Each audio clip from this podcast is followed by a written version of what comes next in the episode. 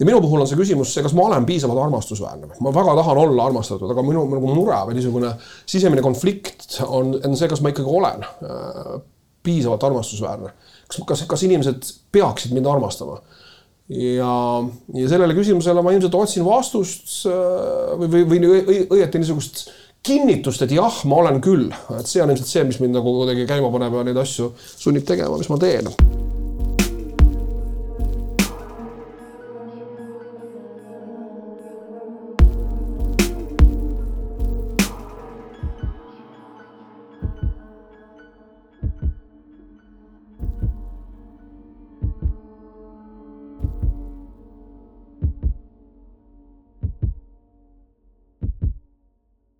tere, head kuulajad, meil on rõõm äh, täna võõrustada külalist, kelle nimi on Mihkel Raud ja keda kõik tõenäoliselt tunnevad.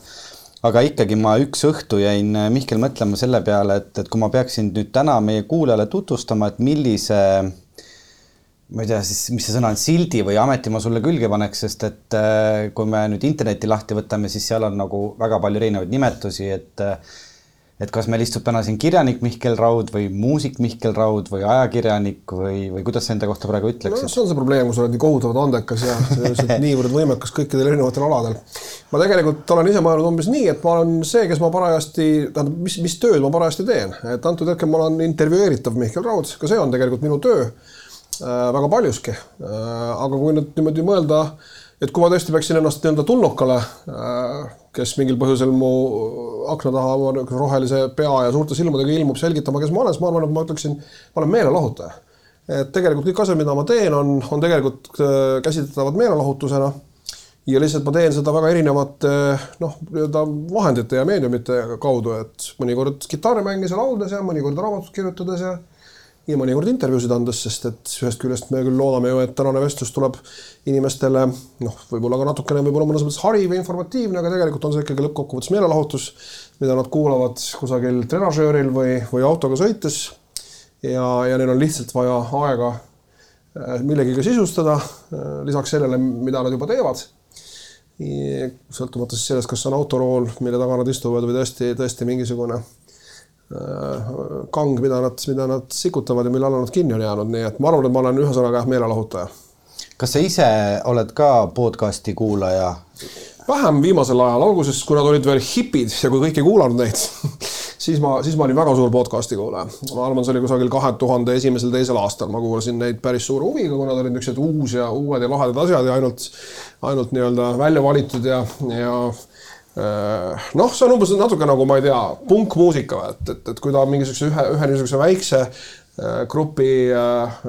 niisugune äh, huviobjekt ja, ja, ja see, ja see, ja see muusika või, või see kultuur ühendab mingit niisugust teatud gruppi inimesi, kes tunnevad ennast seeläbi kuidagi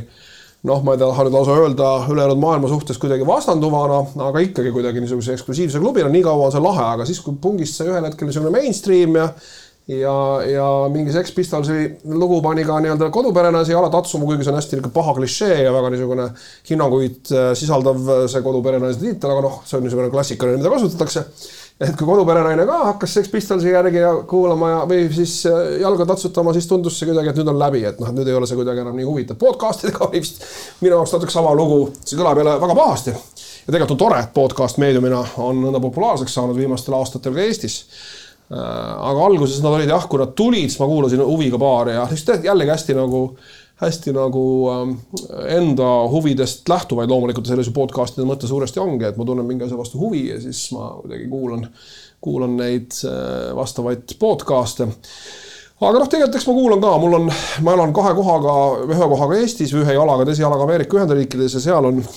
on äh, noh, neid podcast'e muidugi igal pool kohutavalt palju, aga Ameerikas on neid ekstra palju ja ma olen sihuke Sirius XM-i kuulaja, see on üks niisugune algselt vist niisugune satelliitraadiona alustatud, vist siiamaani satelliitraadiona töötav äh, üleriiklik niisugune või, või tervet Ameerikat kattev niisugune võrgustik. aga, aga neil on ka tohutult palju nii-öelda, tohutult palju tõesti nagu äh, noh, erinevaid, erinevaid noh, siis saateid või podcast'e või järelkuulatavaid saateid, mis, mis on nagu väga-väga spetsiifilised ja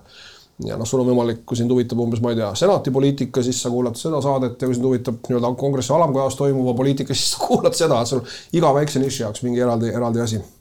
ja mul on kalduvus väga pikalt vastata küsimustele. see on väga tore, sest et ega meie oleme ka ju pigem nagu sellised algelised intervjueerijad, et, et siis on hea, et meil on niisugune proff stuudios, kes,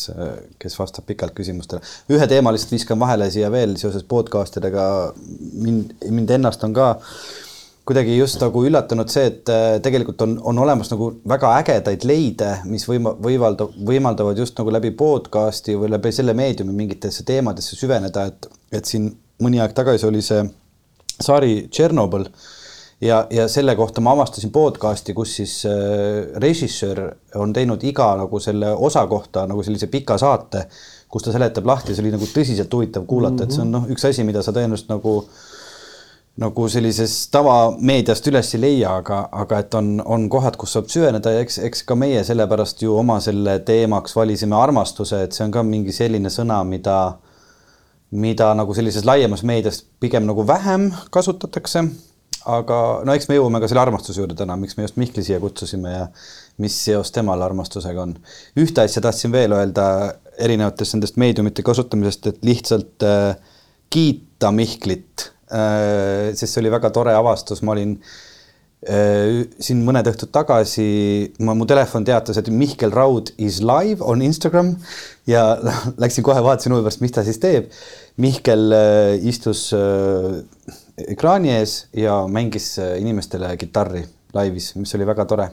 alguses ka küsis, et miks, miks me ei maga, aga noh, kell oli alles kakskümmend kolm, kakskümmend või. see on jah niisugune, eks see on jälle niisugune järjekordne niisugune tohutu edevuse mm, -hmm. edevuse nii-öelda maandamise võimalus, aga tõepoolest noh, ma olen Eestis tegelikult väga üksi või noh, selles mõttes, et ma küll käin tööl ja väljas, aga aga minu pere elab Ameerikas ja, ja õhtuti siis istun kodus, eks ma vaatan ka neid seriaale, selle Tšernobõlini ma ei ole küll veel jõudnud, aga pidi tõesti vägev olema mm. -hmm. Aga siis ühel hetkel lähtunud, et noh, mis ma siis nüüd veel teen ja siis ma mõtlesin, aga laulaks, laulaks õige, mängiks kitarri, siis ma täpselt midagi üksinda teen, et. ja siis on tõesti see Instagram live on selles mõttes üks väga huvitav niisugune formaat, kus sul on võimalik tegelikult enam-vähem minuti või kahega olenemata sellest, palju sul neid jälgijaid seal Instagramis on, saada endale korralik saalitäis publikut nagu nipsti. ja nad ei pahanda, kui sa ainult ühe loo teed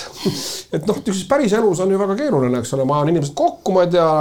ükskõik, ma ju ei, ei pruugi piletit müüa, ikkagi kutsun inimesed kohale, eks istume siin saalis, me noh, ühe loo jalutan minema, et see on mõeldamatu. Aga Instagramis on see väga tore, et sul on võimalik see niisugune publik väga-väga lühikese ajaga,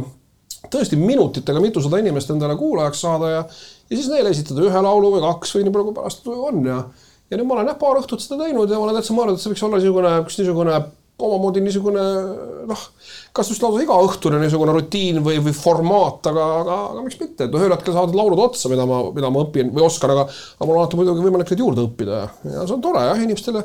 noh, ma ei tea, kui suurt niisugust loomingulist või niisugust tohutut niisugust muusikalist või kunstilist elamust on sul võimalik niisuguse telefoni ekraani pealt saada, aga mõtlen, niisugune tore,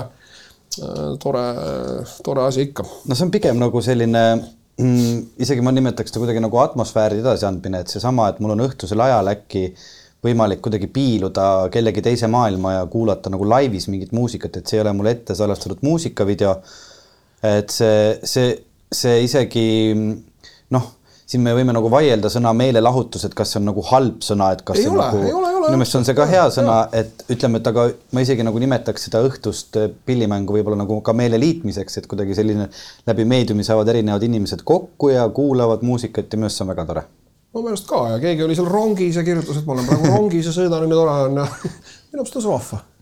Mul meeldib praegu lihtsalt vaadata siin Veiko tumesinises stuudios kahte meest, kes on täiesti hoogu läinud ja tegelikult Veiko ei ole ammu sind ühelgi intervjuul näinud nagu kuidagi nii äh, teemas, nii et ma lihtsalt praegu naudin ka seda, et näha sinus mingit äh, mõnusat äh, elevust. ja tere, Mihkel, minu poolt ka, tere, Mihkel, intervjueeritav. ma olen ka mõelnud selle peale, et et tegelikult Veiko ütles, et kõik sind ju tunnevad. ma ei ole absoluutselt nõus, et inimesed teavad sind, ma arvan, et väga vähesed võib-olla üldse tunnevad sind ja mina absoluutselt kindlasti ei tunne, see on meie esimene päris kohtumine siin. Äh, tulime vaikides natuke kohmetult trepist üles ja nüüd, nüüd siin soojeneme nende diivanite ja tugitoolide peal. aga see, milline sa oled äh, nagu näinud äh,, näinud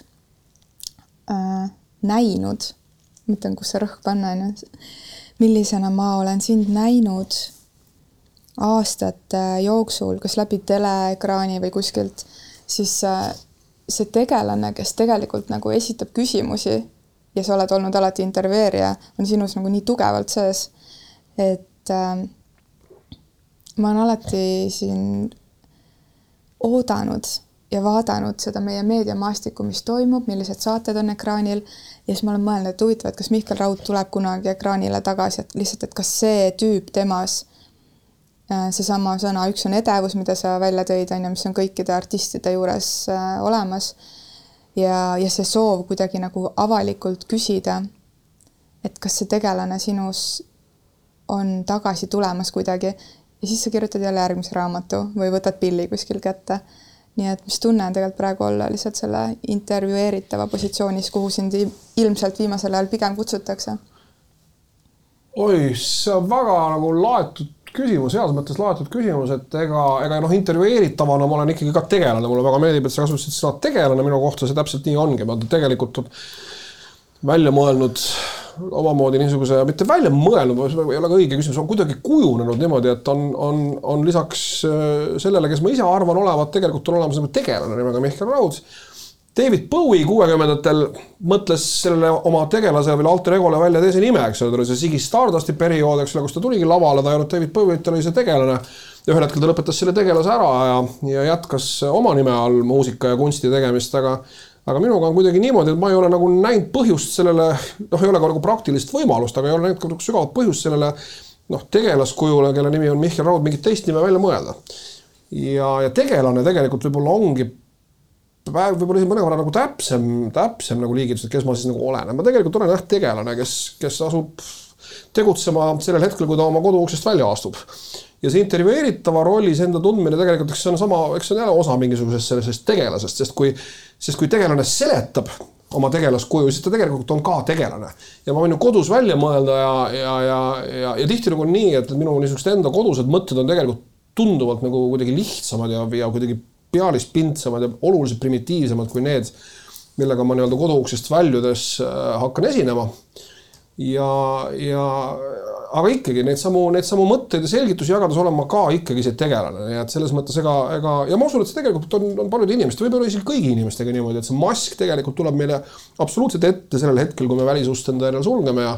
juba, juba naabriga suheldes me enam ei ole, eks ole. nii et Veiko ja Elina, kes me võib-olla oleme kuskil, kuskil koduukse taga ja, ja, ja see on tegelikult tore tunne ja hea tunne ja noh, eks jälle see on niisugune elevust tootev või, või toitev niisugune aspekt on ju ka, eks ole, et kui ma olen intervjueeritav, siis järelikult intervjueerija on, tahab minu käest midagi teada ja, ja see jälle kuidagi natuke kõditab seda eneseteadvust, et ju ma siis olen vähemalt nii palju väärt, et, et kaks inimest minu kohta midagi teada tahavad ja võib-olla neid isegi rohkem nende kuulajate näol. et loomulikult on see, on see meeldiv tunne ja, ja noh, edevus ja, ja niisugune armastatud, me juba jõuame nagu otsapidi selle armastuse juurde armastatud olla tahtmine on tegelikult olnud minu elu keskne drive. ma ei olnud, ma ei saa, ma ei saanud sellest aru aastaid, kuni ma kummaline küll üks kümmekond aastat tagasi käisin Ameerikas ühel, see oli niisugune loo jutustamise niisugune kiirkursus, mis kestis kolm või neli nädalat, ma enam täpselt ei mäleta, me olime hommikul üheksast õhtul kuueni iga päev ühe niisuguse kambaga inimestega koos, meil olid erinevad õppejõud seal Tom Skerrit, teiste hulgas tuntud Ameerika näitleja. ja see oli noh, stsenaristika kursus ja seal oli üks väga huvitav niisugune noh, sektor või, või, või osa sellest kursusest, äh, kus räägiti nii-öelda nende inimeste karakterite, just nimelt tegelaste niisugustest sisemistest äh, noh, käimapanevatest jõududest või ma ei tea, inglisekeelse nimega drive, eks ole, mis meid käivitab, mis asi see on, mis meid paneb hommikul üles ärkama ja oma asju tegema. noh, Freud väitis, et need ongi, eks ole, surmahirm ja seksinälg, aga, aga, aga tegelikult on see võib-olla natukene, natukene keerulisem ja komplekssem ja ja igal inimesel on niisugune üks keskne, üks keskne küsimus, mida ta, mida ta enda käest kogu aeg küsib. võib-olla mitte nüüd sellele sõnastuse peale nii väga mõeldes, aga, aga, aga, aga kuidagi sisemiselt ikkagi. ja minu puhul on see küsimus see, kas ma olen piisavalt armastusväärne. ma väga tahan olla armastatud, aga minu nagu mure või niisugune sisemine konflikt on, on see, kas ma ikkagi olen äh, piisavalt armastusväärne. kas, kas, kas inimesed peaksid mind armastama ja, ja sellele küsimusele ma ilmselt otsin vastust äh, või, või, või õieti niisugust kinnitust, et jah, ma olen küll, et see on ilmselt see, mis mind nagu kuidagi käima paneb ja neid asju sunnib tegema, mis ma teen. ja noh, see on üsna loogiline, et sellise kinnituse otsingul inimene satub kontsertlavale ja ja, ja äh, intervjuule ja, ja raamatu esitlusele ja ja, ja isegi kuulajana ma hakkasin mõtlema, ma käin teatris, ma, mul, mul, ma olen teatris käia ja isegi teatris ma teinekord mõtlen, et et ma olen ka nagu osa natukene sellest show'st, tegelikult iga, iga vaataja on, aga, aga noh, umbes see, et, et kuidas ma vaatan või, et huvitav, kas see võiks teisi inimesi huvitada, mis ma sellest tükist arvan või. mind näiteks huvitab, kui ma olen teatris ja, ja, ja, ja, ja vaatan show'd äh, loll sõna Eestis, Eestis ei kasutata äh, etenduse kohta show, Ameerikas öeldakse küll, see võib olla väga tõsine, isegi täiesti eksperimentaalne teatrietendus, see on ikkagi show. Äh, show'd vaadates ma ikka mõtlen, et huvitav, mismoodi proua seal äh, kaks rida minust eespool, et mida, kuidas tema nagu tajub seda ja mille peale ta naerab. Ja teinekord ta naerab ootamatute kohtade peale ja mõnikord naerab selliste kohtade peal, kus ka mina naeraksin ja me ainult kahekesi naeramegi, aga nüüd ma ühesõnaga kaldun oma jutus väga-väga kaugele kaugele küsimusest, ka see on minu, minu, minu suur probleem. Äh, niisugune, niisugune paaniline hirm, et, et äkki ma ei saagi kogu teie saadet täis rääkida, et, et, et iga nii-öelda minut endale tõestada, et ma tegelikult olen armastusväärne, on kulla hinnaga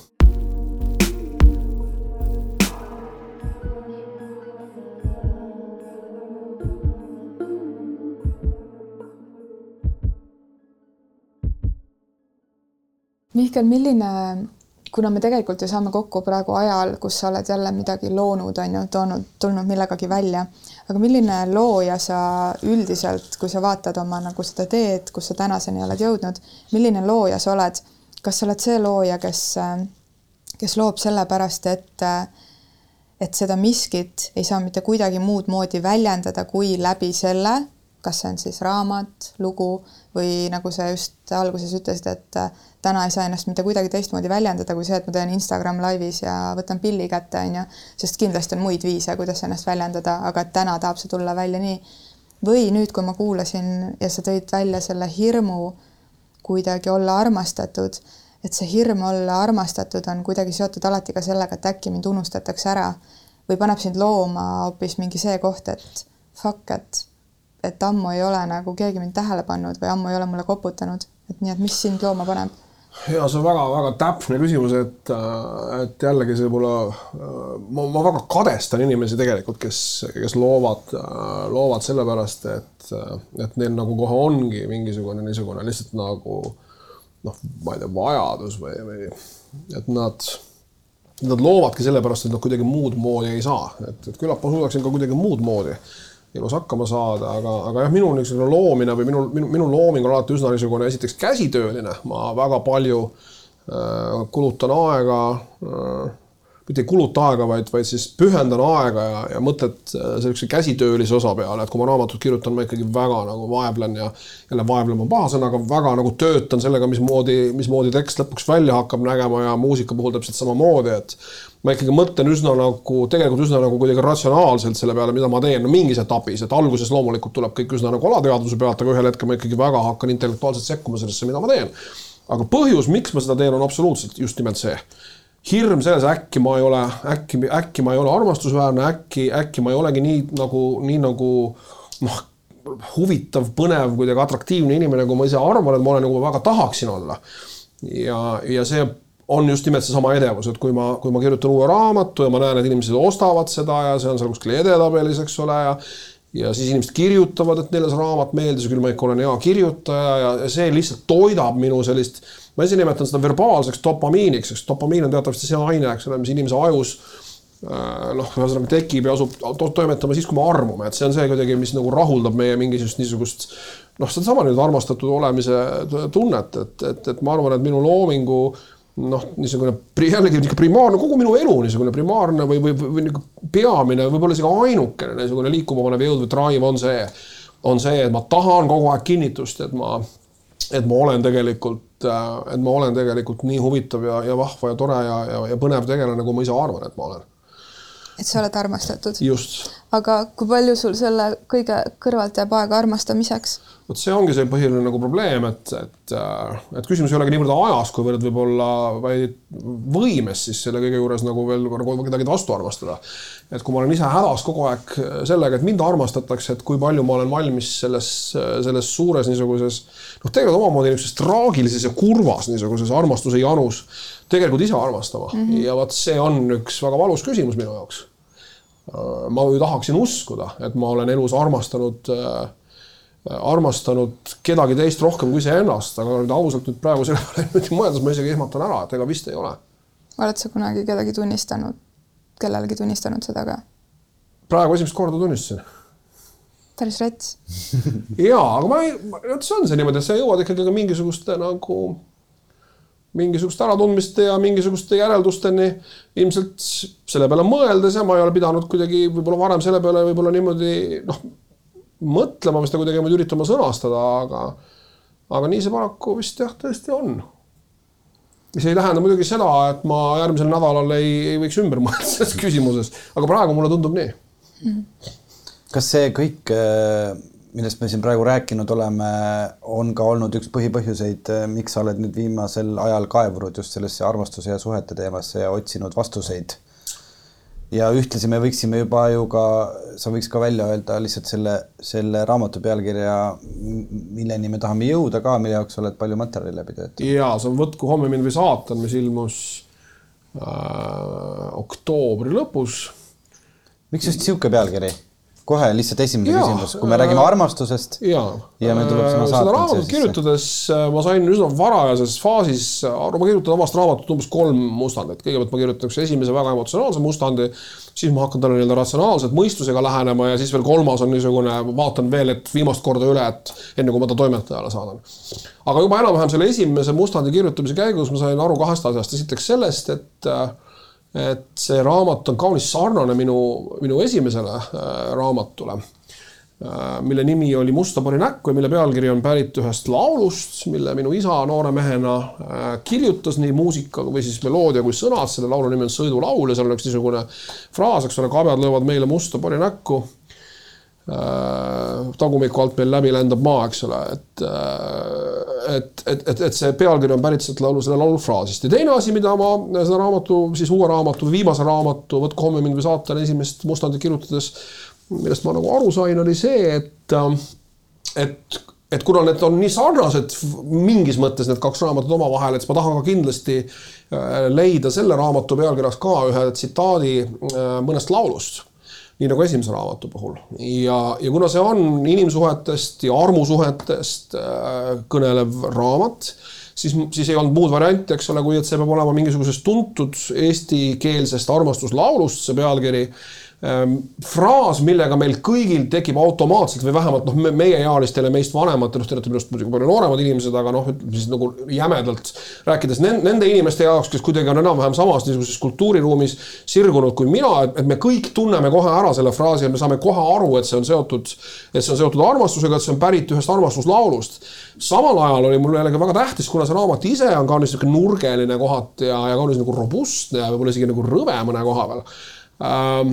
rõve võib-olla on paha sõna, aga, aga noh, niisugune ikkagi väga jällegi natuke selle esimese raamatu laadis kirjutatud, kirjutatud lugu. siis ma sain aru, et niisugune päris niisugune noh, võib-olla päris iga fraas seda, selle raamatu pealkirjaks ei passi, et see, et, et, et kuna raamat ise on nurgeline, et see fraas peaks olema ka nurgeline ja siis ma, siis ma mõtlesin läbi võib-olla kaks-kolm, lasin pea, peast läbi kaks-kolm kõige ilusamat eestikeelset äh, armastuslaulu teksti, mis mul niimoodi enam-vähem une pealt meeles on. ja Aita mööda saata öö, Rock Hotelli laul on kindlasti üks nendest, ma isegi, ma isegi julgen väita, et see on, ma arvan, kõige õnnestunum eestikeelne armastuslaulu tekst, mis on seda huvitavam, et see tegelikult on tõlge, sest see ei ole originaalis üldse eesti laul, see on Chris Christophersoni vana kantrilaul mille tekst on huvitaval kombel noh, niimoodi tõlkunud või, või, või, või, või, või tõlgitud, ta, ta on, ta, on nii hea tekst, et ta on, on eesti keelde praktiliselt sõna-sõnalt on olnud õnnestunud seda tõlkida nii, et ta on ka väga hästi lauldav. ja seda juhtub väga harva, kui niisugune asi on. Ja mulle isegi nagu kohati tundub, et see eestikeelne tekst on vaata, et isegi parem kui see, kui see originaalne inglise keele tekst, noh kuna ta on, on mulle kui eesti keelt emakeelena kõnelevale inimesele lihtsalt võib-olla arusaadavam no vot, ja seal on see fraas, eks ole, võtku homme mind või saatan, täna sõpra vajan ma, see on kohutavalt ilus äh, ilus fraas, mu meelest kõige nagu jõulisemalt väljendab eestikeelne laulurida äh, siis üksindust või just sedasama niisugust minu, minu niisugust seisundit, minu eluaegset seisundit võib-olla kõige paremini äh, iseloomustav fraas ja sealt siis see pealkiri tuligi, võtku homme mind või saatan Mihkel, kui vana sa oled praegu? viiskümmend üks, aga ma saan viiskümmend kaks, kaheksateistkümnendal jaanuaril, nii et. see on äh, umbes selles kandis, kui ja. see saade ka eetrisse jõuab. mõtlen, et äh, me kohtume täna esimest korda, aga ma ei ole kohtunud ilmselgelt ka näiteks äh, kahekümneaastase Mihkel Rauaga, onju. ja ma arvan, et kui kahekümneaastane Mihkel Raud otsis või tahtis ka seda armastust tunda ja ennast kuidagi väljendada, siis ta ei oleks saanud sellist raamatut kirjutada, nagu sa täna kirjutasid. kuidas äh, see julgus, noh, ma tegelikult ei kahtle su julguses, aga kust tuli see tunne, et äh, nüüd peaks kuidagi nagu armastusest rohkem rääkima ja panema selle kaante vahele ja noh, selle konkreetse raamatu tekkepõhjus on tegelikult nagu praktiline, et äh, kahe tuhande üheksateistkümnendal aastal ma, kuna ma sellest oma raamatus kirjutan, ei ole mul põhjust seda siin ka kuidagi noh, teha nägu, et seda ei juhtunud, mu naine äh, teatas, et ta on nüüd leidnud endale uue mehe.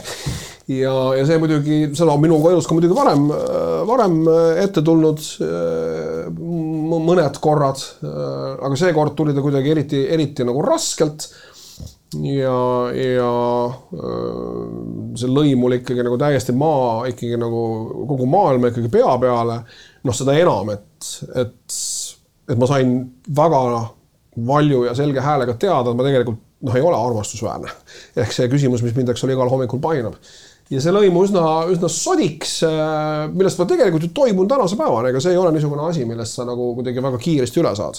et armuteadlased väidavad, et, et äh, nii-öelda lahkuminemise hetkest, kui su süda nagu pilbasteks lendab ja su süda murdub, eks ole, et tuleb arvutada pool aega sellest, mis sa oled koos olnud teise inimesega, siis umbes saad sa teada, millal sa teisest, sellest murdunud südamest üle saad. okei ma ei tahtnud olnud... seda täna teada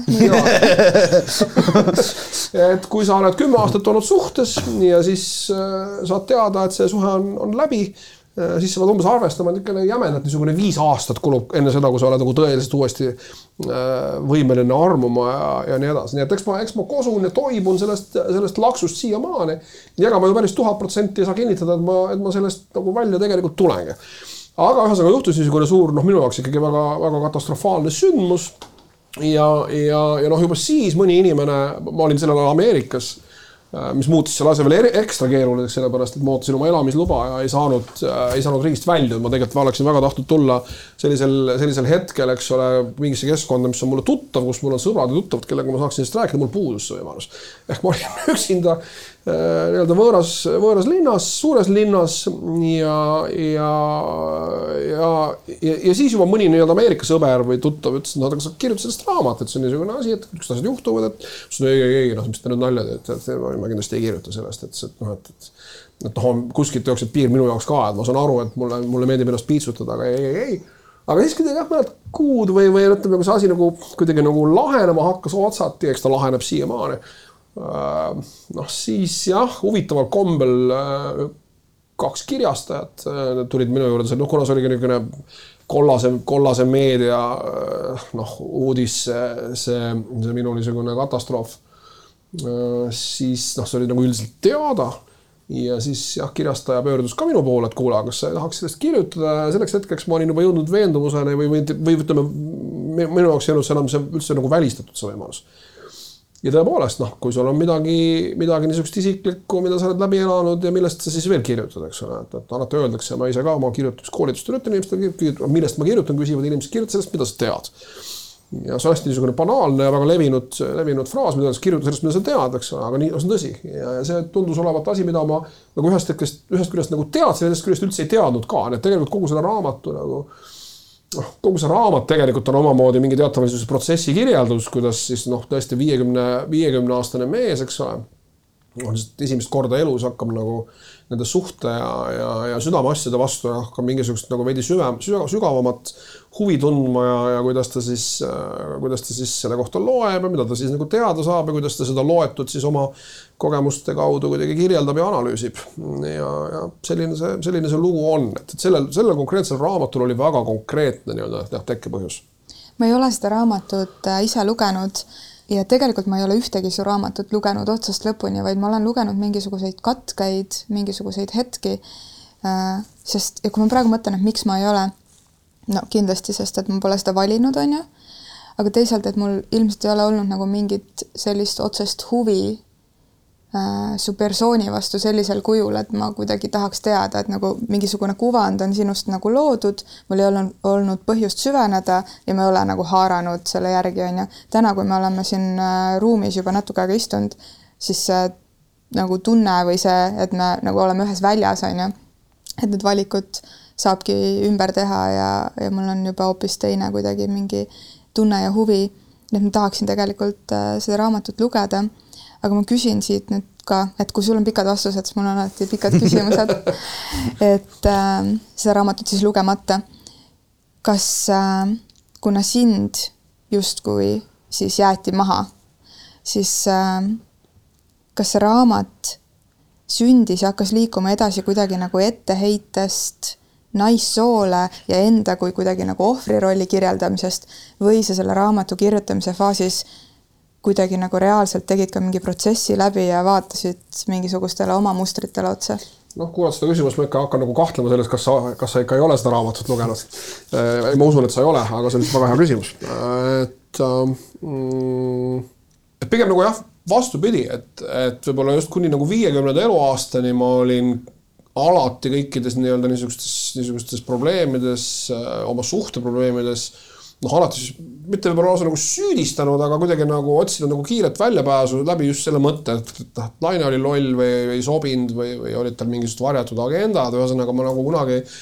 kunagi ei, ei ja, ja ma olen ikka päris vana, et, et nagu viiekümne aastaselt alles selleni jõuda on üsna ikka õudne. Aga noh, parem hilja kui mitte kunagi, et ma olin ikkagi väga veendunud, et kõikides nendes nii-öelda minu varasemates isiklikes katastroofides olen mina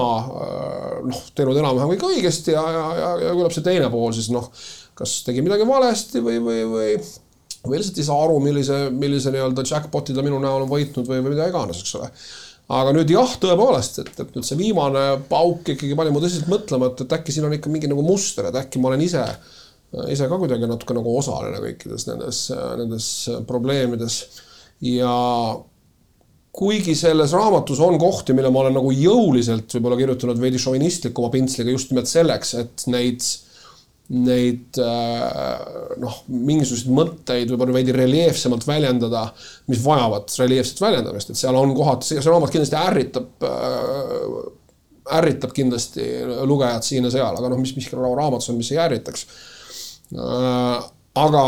aga tegelikult on see ikkagi pigem nagu vastupidi, niisugune võib-olla kohati isegi nagu natuke liiga ennast piitsutav. jah, ma aeg-ajalt maalin sealt selles raamatus endast ka ohvri äh, kuju. aga samas ka kohe nagu kiiresti möönan, et ma saan tegelikult aru, kui naeruväärne see on. et ma endast praegu siin ohvrit teen, aga noh, see on nii-öelda osa äh,, osa sellest, kuidas siis öelda, noh, ma ei tea kui su süda on väga murdunud, kui, kui sinu maailm on kokku varisenud, siis tegelikult see niisugune ohvritunne on kõige magusam, ühest küljest just valus, aga see on tegelikult ka kohutavalt magus et issand, kui õnnetu ma olen ja issand, kui, kui ebaõiglaselt on maailm ja, ja minu, minu kallimad minuga, minuga käitunud. aga, aga jah, nüüd jällegi seda pikka vastust äh, väga heale küsimusele kokkuvõttes siis äh, äh, jah, et, et, et selles raamatus on nii üht kui teist, on muidugi niisugust, niisugust enda ohvrina kujutamist ja, ja kohati tõesti väga nagu väga-väga jõulist äh, pintslit, mis võib olla mõnele tundlikumale lugejale ka šovinismina mõjuda. kuigi ma ise loodan, et see on eneseiroonia ja sellisena ka väga kiiresti läbi, läbinähtav. aga kunagi ei tea, lugejad on väga-väga erinevad ja ma ei näe ju lugeja pähe ja ega, ega ei oska ju, ega ei oska ju iga inimese loogikas orienteeruda. aga jah, üldiselt äh, seal, seal on nii, nii, nii üht kui teist, aga selle raamatu nii-öelda keskne keskne niisugune noh, võib-olla äratundmine minu enda jaoks ongi see, et ma tegelikult olen ise ikkagi olnud kohutavalt nagu võib-olla isegi niivõrd noh, saamatu niikuinii, aga et sellel saamatusel on, on mingid muud põhjused kui lihtsalt minu mingisugune arrogants, et et see, et see saamatus tihtilugu ikkagi on ka selles kinni, et sa lihtsalt ei tea, sa lihtsalt ei ole uurinud, sa lihtsalt ei ole mõelnud nende asjade peale. tead, mis on nii huvitav praegu, et äh, kui ma mõtlen ka selle kunagi nagu mingi TV3 aegade peale või, või kus sa oled nagu mulle vastu kuvanud, kui ma olin üldse kuskil provintsilinna tüdruk, on ju, kes on ikka täna veel elab minu sees, aga et, et see kuvand, mida sa alati kuidagi oled nagu siis ma arvan, et protsentuaalselt väga palju tahtlikult, aga ka teadmatult kuidagi kuvand, et sa oled nagu niisugune, et sa praegu tõid välja need sõnad šovinism ja niisugune nagu kuidagi otse ja teravalt ja kuidagi tangide vahele võttev, on ju siis kui ma praegu istun siin, siis mul on täiega niisugune tunne, et ma tahaks lihtsalt nagu mingi et, et sul oleks jumala mõnus kaisu ronida ja kalli teha, vaata. ja et nagu see koht, kus sa nagu lihtsalt tahad nagu kuidagi lajatada, et see on lihtsalt nagu mingi see stiil või see muster, mida sa oled arvanud, et see Mihkel Raud on, on ju. et tead, nii hullult praegu mõtlen, tegin tegelikult Veikole ühe ettepaneku selle sinu Inteka osas. Ehm, tegin ettepaneku sellise, et Veiko, teeme Mihkliga kaks intervjuud ühe teed sina, Veiko, temaga üksinda ja ühe teen mina täiesti teises ruumis teisel ajal üksinda. siis vaatame, millised need kaks intervjuud kõrvuti on ja see mõte, nagu me teame, me salvestame siin praegu koos ja see tundub aina enam nagu ahvatlev äh,. ma mõtlen, et kas, et kas see, et nüüd uus raamat võtab kuidagi seda stiili, šnitti esimesest raamatust, et kas see tegelikult on see Mihkel Raud, kes sa praegu oled või see on see Mihkel Raud, see turundaja sinus, kes teab, kui edukas see raamat oli, et see stiil läks peale ja et seda lugu on kõige lihtsam, et oma süda veits kinni katta, rääkida läbi sellise prisma jaa äh,, absoluutselt ja eks see, eks see niisugune enesekindlus, ma ei tea, kas te seda raamatut olete näinud, ma natuke kardan, ma siin krõbistan, aga mul on ju kotis. krõbista kotis see raamat olemas, et tegelikult see niisugune enesekindlus ja see niisugune soomus ju tegelikult nagu vahib nagu jõuga meile selle raamatu kaane pealt vastu, mulle väga meeldib see, see kaane pilt, eks me ka nagu otsustasime, valisime ja kõhklesime ja arutasime veidi suuremas ringis äh, noh, kujundaja ja kirjastaja ja fotograafi ja, ja illustraatori ja kõigi inimestega, kes selle raamatuga töötasid ja see kuidagi tundus meile kõige nagu parem sellel lihtsal põhjusel, et, et see, et siin on see niisugune noh, et see võtab nagu tegelikult omamoodi hästi kokku selle tohutava vastuolu, mis selles, mis selles raamatus on, ühest küljest niisugune, niisugune väga enesekindel ja niisugune alfaisane fassaad, eks ole, millest sa ka praegu rääkisid, seesama, eks ole saatejuht ja, ja, ja võib-olla niisuguse noh, sellise stiiliga äh, kirjutaja, aga teisest küljest tõesti ikkagi väga nagu noh, väga oma armastusväärsuses kahtlev ja kõhklev ja ja tegelikult väga ebakindel inimene, kes tegelikult selle raamatu, kui sa seda loed, seda, selle soomuse alla näed ja ma usun, et, et, et, et, et ka lugeja loodetavasti näeb ka, et kui sa selle, selle, selle soomuse alla näed, et sa siis saad sellest aru, et see niisugune vastuolu selle kaane ja tegelikult on see ka nagu omamoodi võib-olla vastus sinu küsimusele, et noh, ma, ma niimoodi, ma, ma saan aru, et see, et see küsimus võib tekkida ja ma kuidagi ei pane ka nagu pahaks, kui inimesed küsivad, noh, et, et, et palju sa siis, palju sa siis mõtlesid seda raamatut või ükskõik mis asja tehes selle peale, kui palju sa sellest lõpuks raha saad ja, ja tegelikult on nii ja ma olen ma arvan, sellel öelnud. küsimusel ei ole nagu üldse plussi või miinust ees, sest see on sinu töö ja nagu raha on äge nagu, et siin ei ole nagu seda. ja, ja ma saan aru sellest ja ma, ja ma saan ka aru sellest, miks inimesed seda küsivad. aga minu kogemus on jällegi selline olnud, et äh, mida vähem ma nagu sellele rahale mõtlen mingit asja tehes, seda lõpuks hakkab teda, seda rohkem hakkab teda lõpuks tulema. ehk kõik need vähesed asjad, mida ma olen teinud väga selgelt raha pärast, on osutunud kas väga lühiajalisteks või, või, või siis nii-öelda kommertsiaalsed ebaõnnestunud projektideks, kui ma ei mõtle mõtle selle peale, kui ma teen asja lihtsalt niimoodi kuidagi, et ma nagu, nagu teen ja ja, ja, ja muidugi loomulikult kirjutades ma arvestan sellega, et mul on oma hääl, mul on oma stiil, mul on oma lugeja, kes ilmselt ootab ja eeldab seda stiili minult. Äh, et, et sellega ma loomulikult arvestan, aga, aga ma ei mõtle kuidagi nagu selle peale, et huvitav, mitu, mitu, mitu tuhat raamatut või, või, või eurot või, või mida iganes see siis kuidagi lõppkokkuvõttes mulle tekitab. et mida vähem ma selle peale mõtlen, seda, seda noh edukam ta lõpuks on, kuigi ka selle peale mõtlemine on justkui nagu ära, äraspidiselt juba, juba selle asja peale mõtlemine aga ei, ei, et, et, et see turunduse osa loomulikult ma saan aru, et seda peab tegema ja mulle tegelikult nagu meeldib seda teha, see on jällegi, eks ole, ma käin televiisoris, käin siin, eks ole. ma tunnen ennast jälle kuidagi natukene huvitavama inimesena, kui võib-olla aeg-ajalt arvan, et ma olen. see, see, see mulle iseenesest meeldib, see tuleb mul ka hästi välja, ma olen seda aastaid ju teinud erinevate projektide puhul, ma vähemalt ise arvan, et see tuleb mul hästi välja ja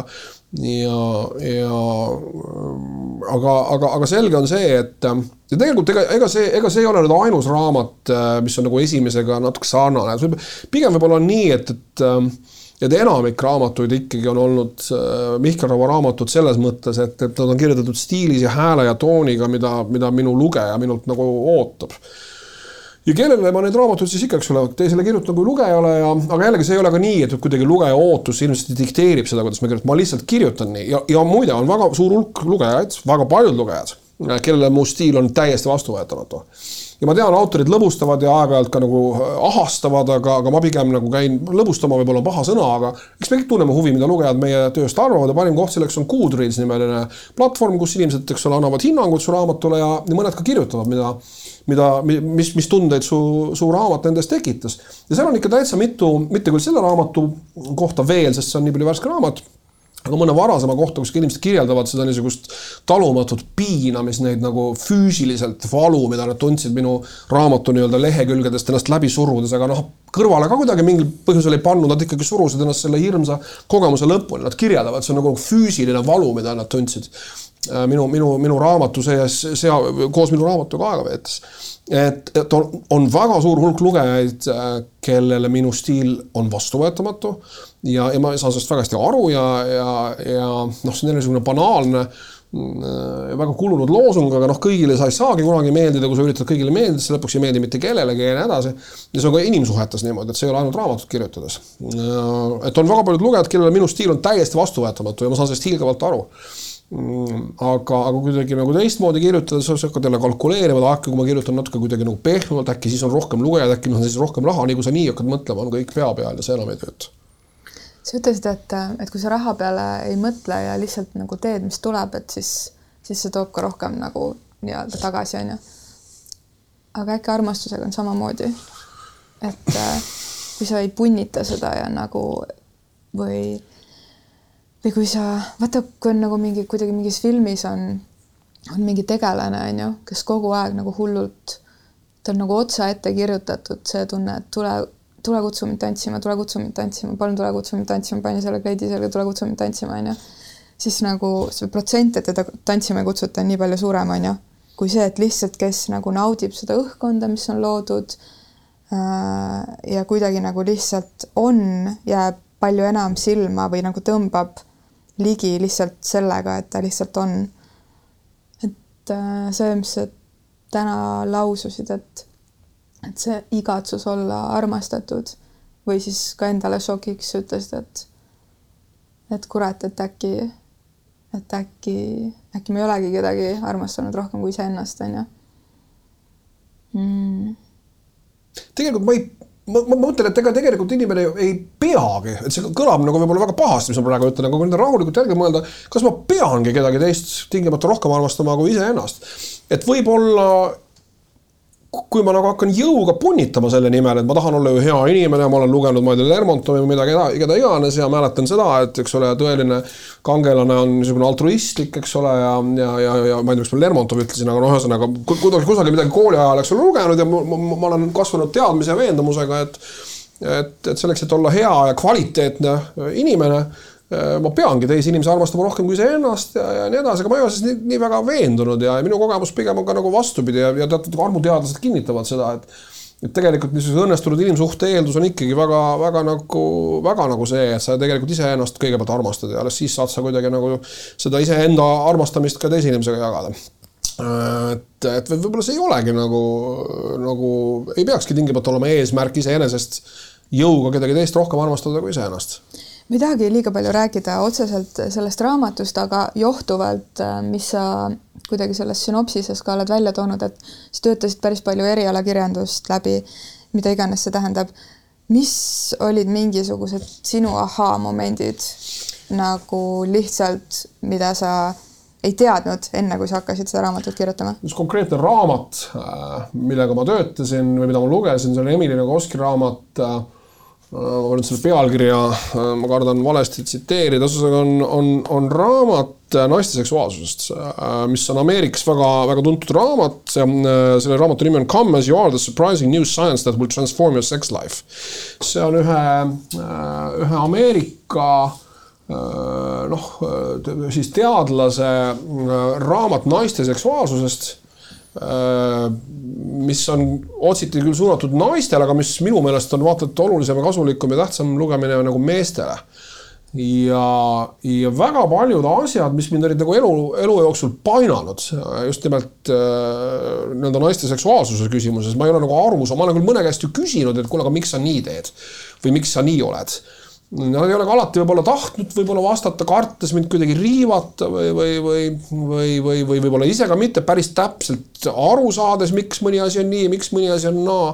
siis vot sellele raamat, seda, selle raamatut lugedes ma jõudsin väga paljudele ahaa-momentidele, et vau, et ah, et see on niimoodi ja et, et et ma ei olnud selle peale ise osanud nagu mõeldagi ja see on, see on Ameerikas väga niisugune noh, niisugune naiste seksuaalsuse piiblina, noh muidugi iga raamat ütleb enda kohta, ma olen piibel, aga, aga see tõesti on väga populaarne raamat ja ja, ja, ja, ja väga paljude jaoks on väga silmi avav teos ja selles, selles oma raamatus ma seda, seda raamatut ka natukene jutustan ümber või, või jällegi no läbi oma kogemuste, läbi, läbi oma niisuguse teatava prisma, aga see oli minu jaoks võib-olla üks suuremaid ahaa-momente, et et, et ma tõesti nagu, et koolis ei rääkinud sellest mulle keegi midagi. Meie omaaegne armupiibel avameelsed abielust, mis oli mingi seitsmekümne neljandal aastal äkki ilmus mis oli tegelikult minu lapsepõlves ainukene nii-öelda seksuaalsuhetest kõnelev eestikeelne tekst, mis oli nagu ametlikult või, või nii-öelda noh, päriselt kättesaadav ja mida kõik vanemad küll, kõigi, kõikides kodudes oli see olemas, aga see oli ära peidetud laste eest. et seal ju nendest asjadest ei räägitud, seal räägiti seksist kui, kui millestki noh, mis noh, mis on niisugune vajalik ja oluline osa ja, ja, ja, ja, ja seal kirjeldatakse seksi võib-olla kui omamoodi niisugust, ma ei tea, niisugust mööbli, mööbli kokkupanemist, väga niisugust tehnilist protsessi ja, ja see oli kogu, kogu minu teadmine ja, ja, ja teine teadmine, mis nii minul kui tegelikult ma usun väga paljudel, et võib-olla kõigil meestel on seksi kohta ikkagi pärit pornograafiast ja pornograafia on selles mõttes väga huvitav ja väga niisugune omamoodi ohtlik kunstivorm, ma julgen seda niimoodi nimetada, äh, kõigi oma tohutute miljonite alaliikidega, mis tegelikult projitseerib tagasi klientuurile või tarbijale või siis äh, ehk siis mehele. tema enda ettekujutus sellest, missugune seks peab olema, hästi füüsiline, hästi domineeriv, vahet ei ole, kas on domineeriv pool on naine või mees. hästi jõuline, hästi kuidagi niisugune noh, niisugune loomalik ja jällegi seesama nagu raamatut lugedes ma saan aru, et see tegelikult ei ole nii, et, et seksuaal, sellest ma muidugi olin varemgi aru saanud, et seks inimesega, keda sa, kelle suhtes sul on tunded, on mõnevõrra mõnusam kui see, sellega, kelle, kelle suhtes ei ole. aga see oli ka kõik, et ma ei olnud nagu kunagi mõelnud, miks see niimoodi on. ja, ja see raamat kuidagi nagu jälle, jälle, jälle kinnitas neid kahtlusi, et sellel kõigel on tegelikult sügavamad, sügavamad põhjused ja jah, et, et naiste seksuaalsus on üks huvitav, huvitav asi ja mida rohkem mehed sellest tegelikult nagu teavad. ja ma loodan, et minu raamat äh, võib-olla mingi väikse ukse vähemalt mingisuguse niisugune huvitekitajana, ukse avab huvitekitajana töötab, et mida, mida rohkem mehed sellest teavad, seda parem. Äh, ma eeldan, et sa ei tea minust väga palju või minu tegemistest, üks osa mu tööst on, ma teen teetseremooniaid, meditatiivseid ja ma teen naistelaagreid ja naised, kes laagritesse jõuavad, on vanuses, ma ütleks kaheksateist kuni kuuskümmend viis ja, ja suurem osa neist äh, vahemikus kolmkümmend kuni viiskümmend. ja mida ma olen meie sarja jooksul mõnes episoodis, kus on tulnud see naise seksuaalsuse teema jutuks, ka öelnud,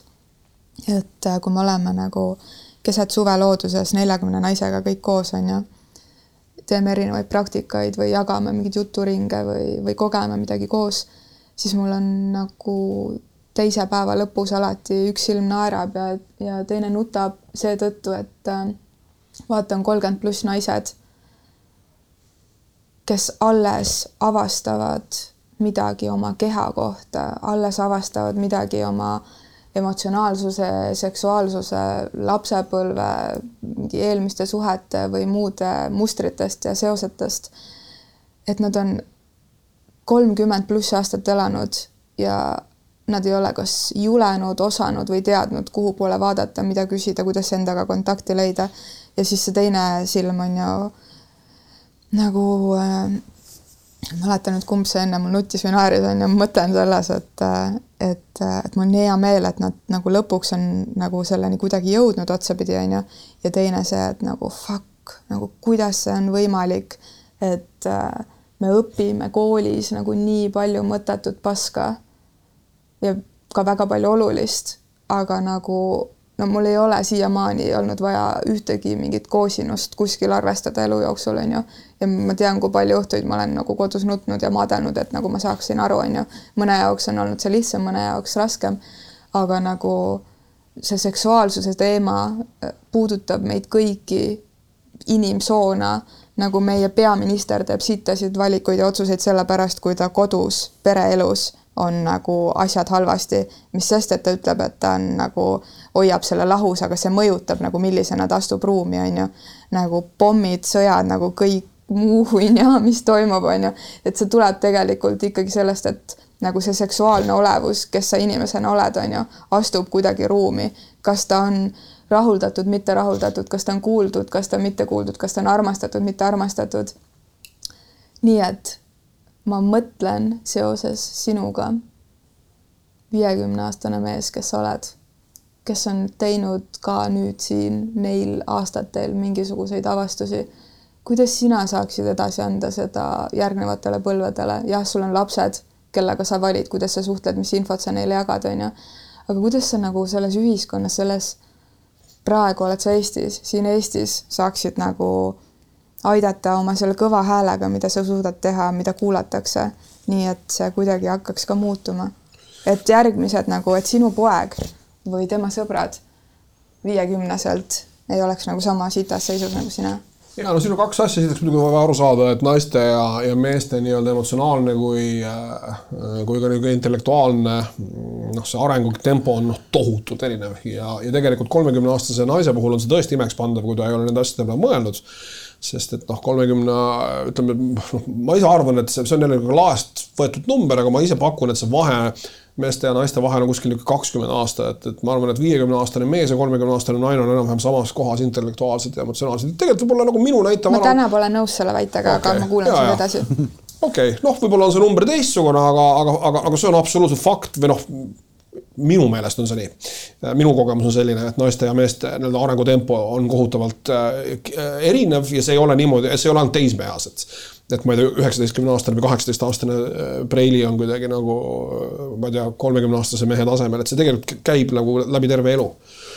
ja see oleks üks põhjus, miks, miks me meestena naisi nii väga kardame ja, ja tegelikult neid, äh, neid äh, noh, oma, oma kontrollile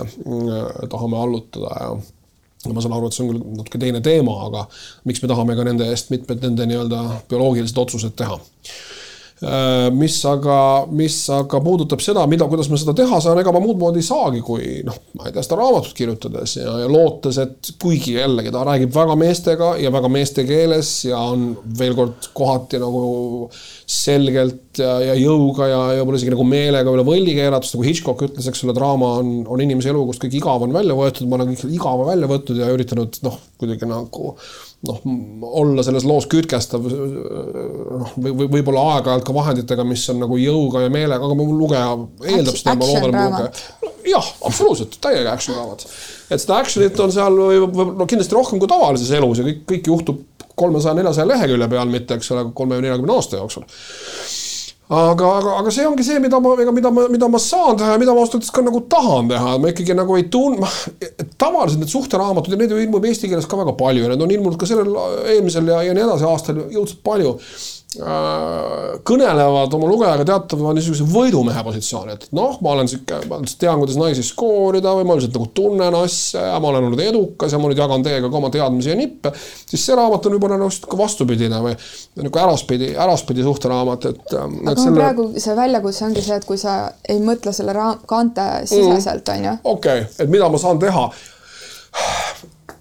ega, ega ma tegelikult väga muud ei saagi, noh muidugi ma võin rääkida oma lastega ja, ja, ja, ja noh, jälgida nende, nende arengut ja aga, aga ma nagu väga nagu jõuga jällegi ei taha ka oma pereliikmete nagu mingeid enese, eneseavastamisi või, või, või, või, või mingisuguseid sisemisi eksirännakuid kuidagi suunata, et äh, minu puhul seda ei tehtud ja ja okei okay,, ma, ma küll võib-olla seetõttu olengi võib-olla rumalam täna, kui ma, kui ma tahaksin olla aga, aga teisest küljest, kui mind oleks nagu jõuga nagu sunnitud, eks ema vist kinkis mulle ka mingi raamatu, kui ma neljateistkümneks sain, mis oli vist, ilmus veidi hiljem, kus see seksu-, see avameelsed abielust, selle nimi võis olla mingi noormehest sünnib, saab no,, tüdrukutel oli konkreetselt raamat, tütarlapsest sirgub naine, aga ma arvan, et mingi poist, analoogne poiste analoog oli ka olemas. see oli vast niisugune kaheksakümnenda aastatega raam ja küllap ta mulle andis selle raamatu ja noh, et loe ja ja, ja, ja võib-olla ma lugesin ka, aga noh. aga tead, sundida ei saagi. ma lihtsalt ise, ma juba mõtlesin selle uue formaadi välja, et äh, et, äh, et minu meelest nagu see häda ongi selles, et äh, seda infot levitavad tüübid, kes on seda õppinud ja kes ei ole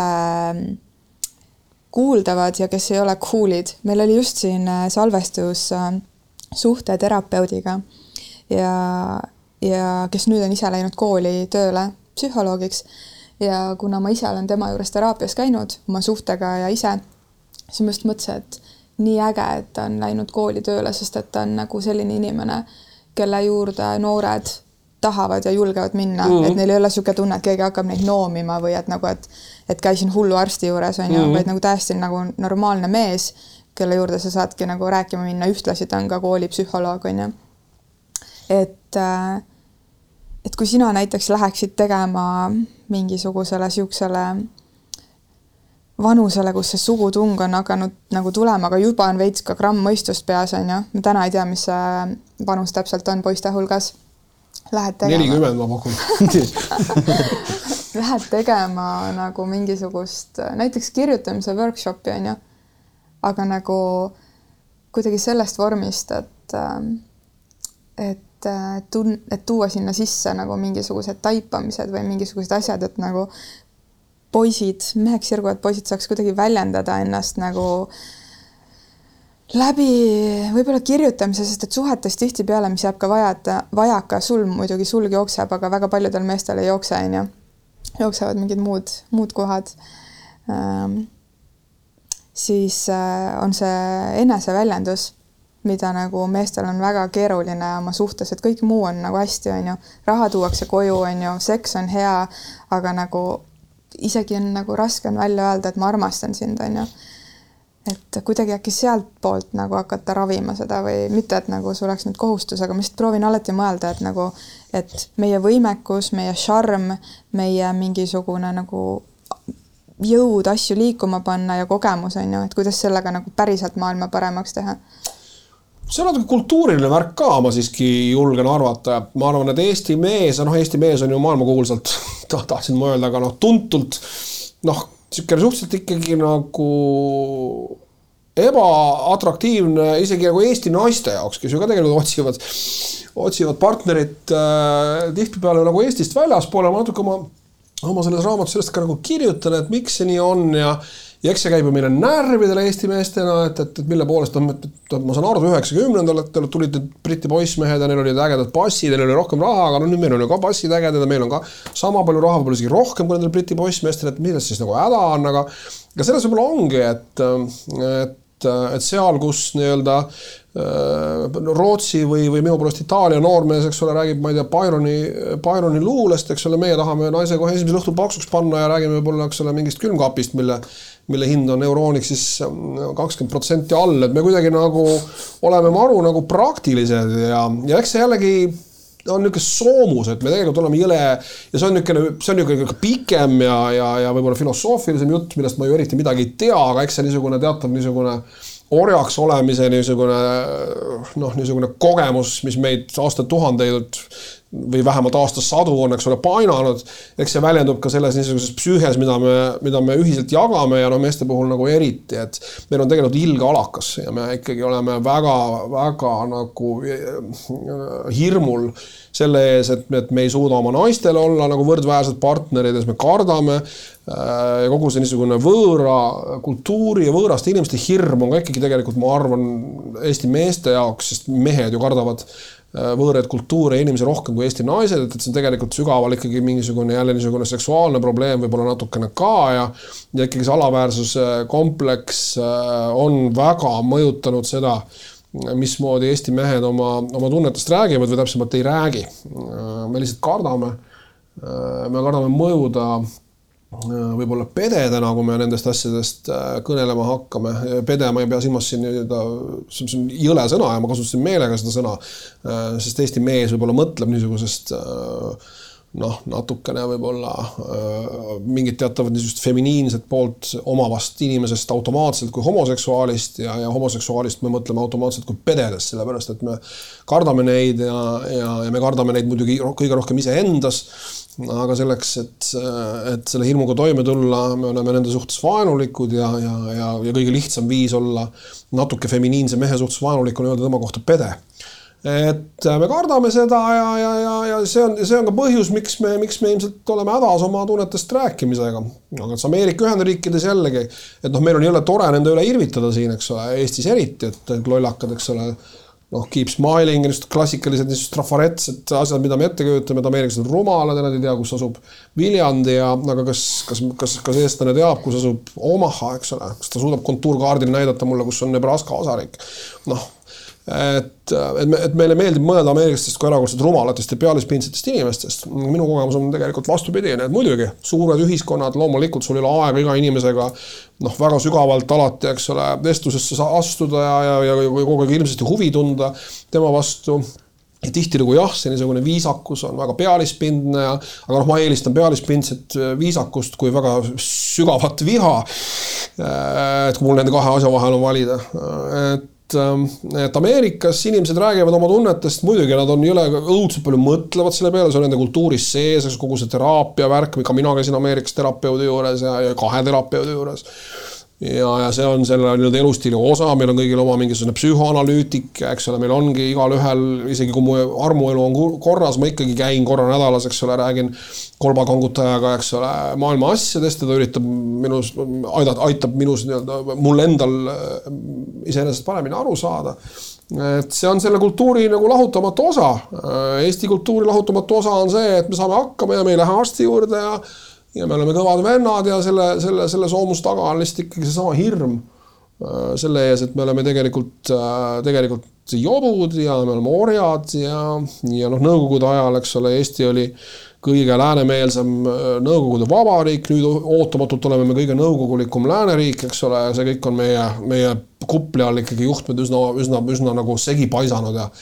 ja sealt tulevad ka kõik need muud probleemid, see on väga õige, mis sa ütlesid, et need suured poliitilised otsused tulevad sellest äh, absoluutselt, kui nii-öelda rahuldatud me ei ole mitte ainult oma seksuaalses elus, vaid ka oma emotsionaalses elus ja kui seal on kodus asjad pahasti, siis tõepoolest algavad, algavad igasugused hirmsad asjad, vaadake, mis Ameerika Ühendriikides viimased neli aastat on toimunud, eks ole, noh, seal on muidugi sügavamaid ja, ja tõsisemaid põhjusi, aga ega ega mingi, mingi ülearu niisugune õnnelik abielupaar äh, proua ja härra Trump ju ei olnud ja või, ei ole ja, ja eks sealt, eks need probleemid on, on, on suuresti loomulikult ka seal kinni äh,. aga et, kuidas seda ravida? Äh, noh, on niisugused, on, on niisugused kiir, on nii-öelda kiirabi või, või, või niisugune niisugused kiired, kiired meetodid, millest ma ka oma raamatus jällegi kirjutan ja ma ei tea, kui, kui noh, kui, kui süvitsi me tahame nende kirjeldamisel siin, siin oma jutuajamise käigus viia, aga mina kutsun Nimeta seda prevent-, mina kutsun seda preventiivseks onanismiks, ehk siis põhimõtteliselt on sul vaja hommikul kohe paagid nagu tühjaks teha, et olla suuteline päeva jooksul vastassugupoolega mõistlikult, viisakalt ja ratsionaalselt äh, suhelda. Et niikaua, kui mul kui minu nii-öelda käitumist ja, ja minu otsuseid mõjutab see, et, et ma, et mul on, on paagid pilgeni täis, nii kaua, nii kaua ma lihtsalt olen ebameeldiv, ebaratsionaalne Äh, suhteliselt nüri tüüp, aga nii kui ma saan sellest esimesest niisugusest asjast lahti kohe hommikul, nii on mul nagu äh, eeldus, eeldus veidi kvaliteetsemale päevale. noh, see on üks niisugune trikk, see ei ole minu välja mõeldud, sellest rääkis John Mayer kunagi ühes intervjuus Ameerika laulja, et et, et ta saab väga hästi aru, et tema, tema otsused on, on, on seda rumalamad, mida, mida rohkem neid juhib tema, tema soov igale naisele selga ronida. ja noh, mehi paratamatult see, see, see soov juhib. ja kui me selle nii-öelda esimese niisuguse pinge endalt maha saame kohe päeva alguses, siis, ähm, siis äh, noh, seda, seda kuidagi nagu paremini me ennast distsiplineerime päeva jooksul. noh, see on niisugune kiire ja muidugi niisugune väga võib-olla nagu primitiivse võitu, võib-olla natukene naljakaski niisugune hädaabimeetod, aga noh, abiks seegi, aga mismoodi sellest nagu pikas perspektiivis või nagu, nagu suuremalt lahti saada, on niisugune miljoni dollari küsimus, et no ma tahaks öelda, et see on võimalik, aga niisuguseid kultuurilisi, kultuurilisi asju ikkagi kuidagi läbi mingite koolituste või raamatute või, või minu poolest laagrite äh, kuidagi nagu välja saada või välja ravida või, või, või, või vähemalt panna inimesed neid möönma, on niisugune erakordselt keeruline. selle paakide osas ma tooks äh, siit toimetaja märkuse et tahaks tegelikult hullult nüüd äh, järgmise episoodi salvestada äh, tantristlikust maailmapildist ja, ja sellest, kuidas tegelikult see meeste paakide tühjendamine on täielik eluenergia raiskamine. aga me täna sellest rääkida ei jõua, nii et kui Mihkel tahab minuga sellest edasi rääkida, siis me võime äh, meil on tegelikult ongi aeg saade kokkuvõtted siin nagu Elina on siin nagu nii mõnusasti selle palli enda kätte võtnud, et ma nagu üritasin, ei jõudnud, üritasin, ei jõudnud, aga mul on väga huvitav olnud. Ma tegelikult äh, lihtsalt mõtlengi seda kuidagi, et äh, et me ikkagi igas episoodis jõuame alati selle kohani, et see maailm on nii lõhestatud ja enamasti suures plaanis, ükskõik mis tundega keegi neid sõnu ütleb, on siis nii-öelda justkui see vaimne ja füüsiline maailm. ja, ja inimesed tahavad nii tohutult tõmmata piiri, et, et mis asi on nüüd nagu, on spirituaalne või hingeline või emotsionaalne ja mis asi on nüüd nagu teaduslikult tõestatud ja, ja kuidagi nagu ratsionaalne. Ja nagu nii retsi nagu seda kuidagi vagu sinna vahele künda, on ju, ja mida see tegelikult meiega teeb, on see, et nagu me kukume kõik sinna vakku, on ju, noh ja siis meil on kõigil ikkagi vaja üksteisele käsi anda, on ju. et jälle sind nagu kuulates ja nii aitäh, et sa, et, et sa oled jaganud ennast või seda hetke ja ja, ja oma tegemist. Mm ma ei tea, mul on hea meel tegelikult, et sinuga on mingi niisugune katastroof juhtunud, sest et äh, see mingi šovinistlik pilt, mille sa võib-olla ise oled endast ka kuvanud, see võib-olla ei olegi üldse tegelikult nii šovinistlik ja ma, ma ole... kaldun arvama, et see pole üldsegi, aga sulle meeldib nagu seda kuvandit nagu kasutada ja, ja nagu sa ütlesid, selle laia pintsliga nagu lajatada. Et äh, võib-olla on aeg uute lugude jutustamiseks mingisugusest nagu uuest, sel, uuest vaatenurgast, kus, kus see Mihkel, kes tahab olla armastatud, julgeb ise ka armastada absoluutselt ja ega ma seda ju ei, ma, ma, ma mõtlen selle peale kogu aeg. aga ma olen kuidagi selle siiamaani enda jaoks lahendunudki umbes nii, et, et see Mihkel, kellest sa nüüd oma mõtte teises pooles rääkisid, võib-olla väljendab ennast läbi muusika ja ma tegelikult olen kirjutanud paar täitsa, täitsa ilusat ja, ja täitsa, täitsa kena laulu, et võib-olla see on see meedium. oh, aitäh, mehed mõlemad. aitäh, Mihkel, et sa täitsa võõraste, peaaegu poolvõõraste inimestega nõustusid siin Sombuses Telliskivi loomelinnakus salvestama ja kuna me tuleme eetrisse selle episoodiga aasta alguses, siis äh, head uut aastat kõigile! head uut aastat kõigile ja täpselt, ma arvan, et siit võiks üles noppida selle kontuurkaardi sõna, mida sa ütlesid, sest ma ei ole aastaid seda sõna kuulnud ega kasutanud. nii et äh, teha oma elu ja armastuse kontuurkaarti, hakata värvima mitte sealt, kus keegi ütleb, et on õige, vaid sealt, kus tunne on. aitäh! aitäh!